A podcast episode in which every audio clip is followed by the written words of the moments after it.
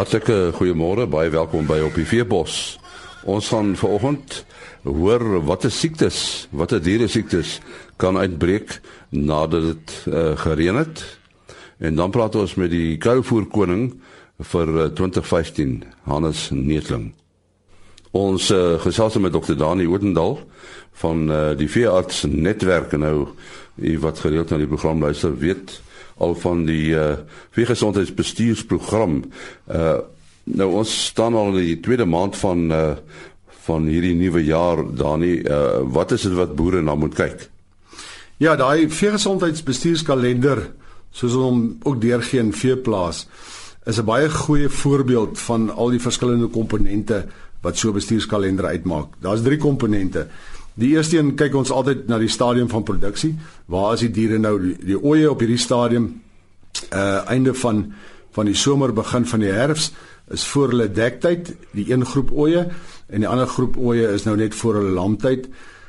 Aan die koeie se kant kom ons nou aan die einde van ons dekseisoen wanneer die bulle gaan uit uitgaan en en waar ons voorberei vir speen. So dis die een komponent van die bestuurskalender net om seker te maak in watter stadium van produksie die diere verkeer. Die tweede komponent van ons bestuurskalender is basies die omgewingsomstandighede. Uh ons gaan van warm na medium klimaat toe, ons gaan na lae reënval toe en hierdie jaar kan dit heel moontlik verskil. Die een ding wat ons verstaan is dat elke jaar is nie dieselfde nie. Ons het uh, baie baie droë lente en somer gehad en dit lyk so ver of dit dramaties gaan verskil en dit gaan 'n baie groot invloed hê op die derde faktor. Die derde faktor dan is die siektes soos hulle voorkom binne in daai seisoen. En dit is absoluut af, afhanklik van omgewingsomstandighede en die stadium van produksie. So die voorbeelde wat ons in veeplaas het is net 'n voorbeeld. Dit word aangepas vir 'n spesifieke omgewing. As ons kyk na 'n paar siektes wat ons dink kan voorkom as die reënvalpatroon nou so verander soos hy verander het, eerstens in die skape bloutong, Ons het bitter min bloutong gesien in die lente en die somer. Uh en net omdat daar nie insekte was nie, want want hierdie siekte word net deur insekte oorgedra.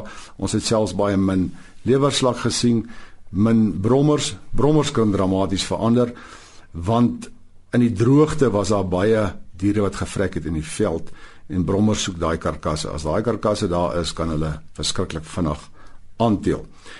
Ons het selfs nou gehoor van in die noordwestelike deel van die land waar daar oormatige reën amper was.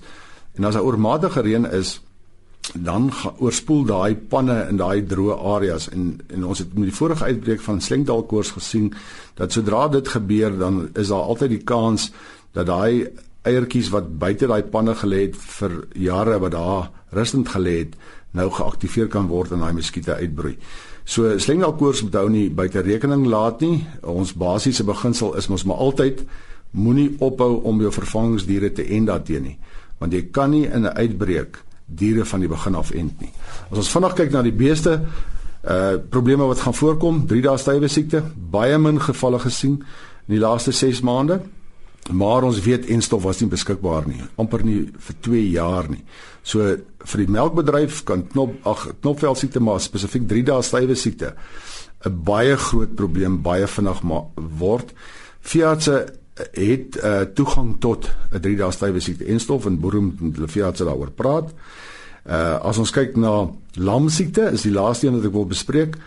Lamsiekte weer eens as gevolg van karkasse wat in die veld gelê het na die droogte die organisme groei in daai karkasse en hulle bly baie lank uh aktief of die gifstof wat gevorm word. So 'n been wat gevreet word selfs 6 maande, jaar la, meer as 'n jaar later kan vir diere lamsiekte gee en dit is maar een van ons basiese enstowwe wat ons elke jaar moet gee om die diere te beskerm. Is is die enstowwe beskikbaar? Die basiese enstowwe is beskikbaar. Bloutong is een van die beperkendes. Uh ek dink amper dis die mees beperkende een van almal. Uh ek het nie op die oomblik nadat boere uh begin koop het, weet ek nie hoeveel is nog beskikbaar nie, maar bloutong is heel moontlik die enigste een wat 'n groot probleem is, soos ek gesê 3 dae stywe siekte. Is daar 'n ander bron van die enstof uh wat deur die veearts beskikbaar is as melkbore daarna wil kyk? Uh hoe gou kan van hierdie siektes hulle kop uitsteek?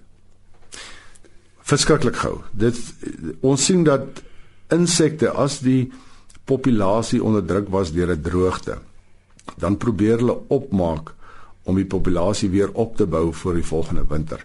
So die oordrag en die inkubasie of broeiperiode van hierdie siektes soos bloutong is maar 'n week of 'n bietjie meer as 'n week. In die geval van slengdalkoors is is die inkubasieperiode van 48 uur na 'n paar dae toe en ehm um, knopvel siekte gewoonlik so 'n bietjie langer 'n week na 2 weke toe. So nee, vandat vandat eh uh, hierdie ding gebeur het en die insekte is, is beskikbaar, eh uh, kan die siektes baie vinnig voorkom in ons stelsel. Die een ding waarop ons fokus is om so vinnig as moontlik die eerste geval van daai siektes in 'n area eh uh, aan te meld sodat ons daai inligting met boere kan deel. En natuurlik uh, boere moet skakel met hulle veearts so gou so gou as moontlik. Boere met die kommunikasie met hulle veearts oophou. 80% van sekere siektes wat normaal beplaas voorkom, weet veeartse nie van nie, want hulle word nie uitgeroep na elke geval toe nie. So as 'n boere geval het, meld dit aan by jou veearts. Dit vorm deel van die groter prentjie. Dit gaan jou in die toekoms help, dit gaan op hierdie stadium jou bure help Maar praat met jou veearts, meld daai geval aan. Ons het die stelsel om dit op 'n stelsel te sit en die uh, groter beeld te kan sien. Baie dankie Dr. Dani Oudendal van die veearts netwerk. En nou die wolmark verslag hier is Martie Kerstyn. Die wolmark het by die pas afgelope veiling sy rekordvlak status van die afgelope weke gehandhaaf en slegs 'n skamele 1,2% teruggesak. Die Cape Wool's Merino aanwyser het teen 'n waarde van R158,90 per kilogram skoonwol gesluit.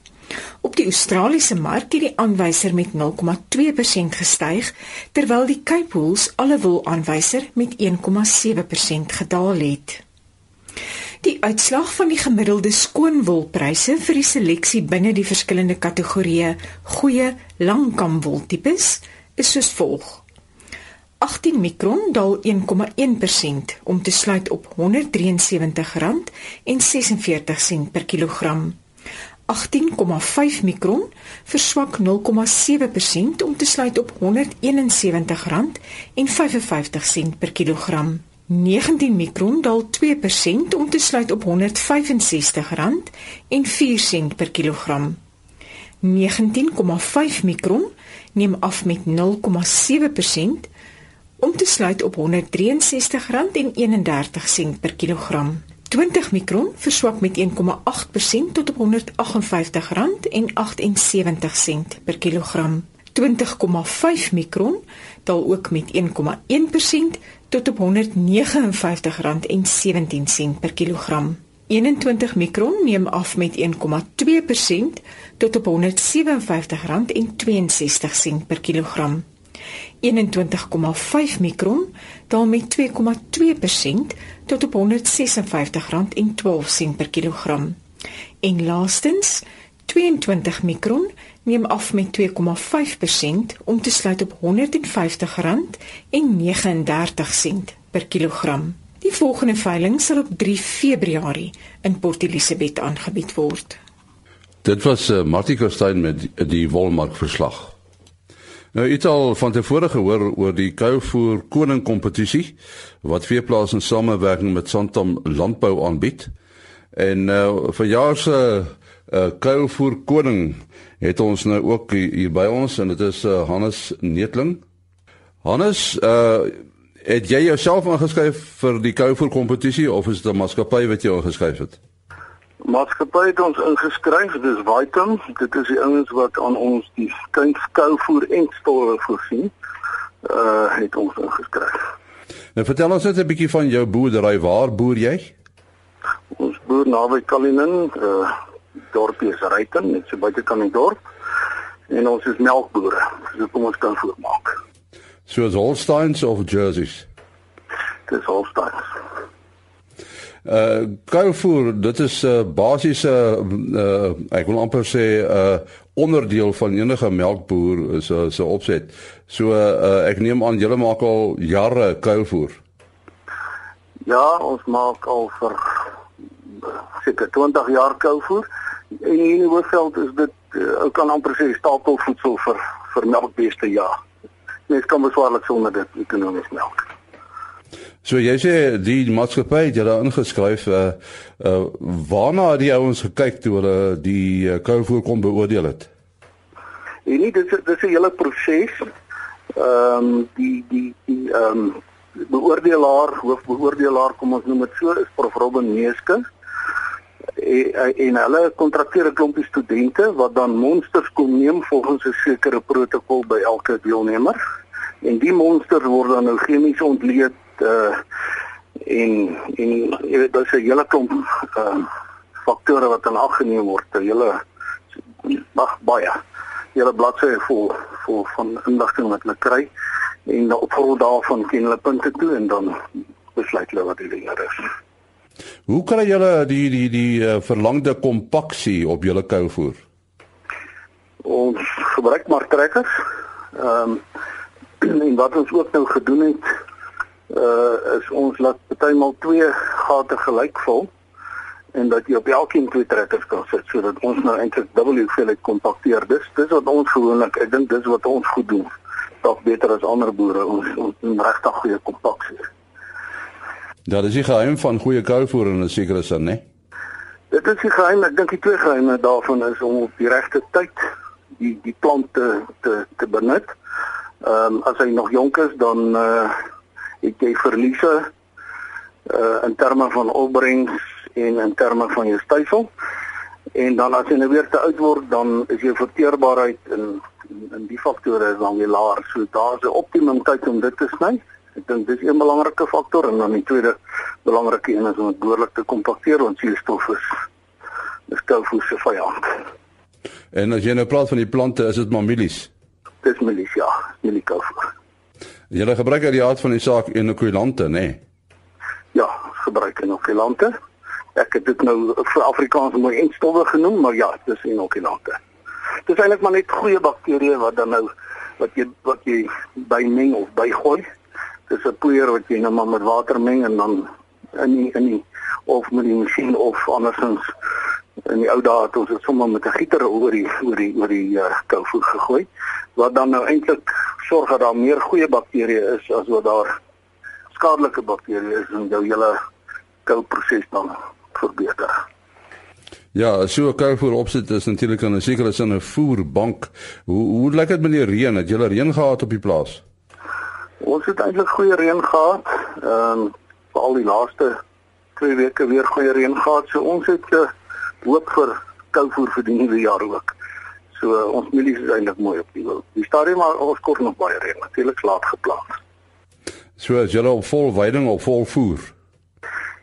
Ons is vol veiding. Ag nee nee, die die die uh, beeste is op 'n volvoer program. Die koeie hier in hierdie wêreld kan nou nie uh, dit is nooit goed genoeg veidingsreg nie. So die koeie is op 'n volvoer, ja.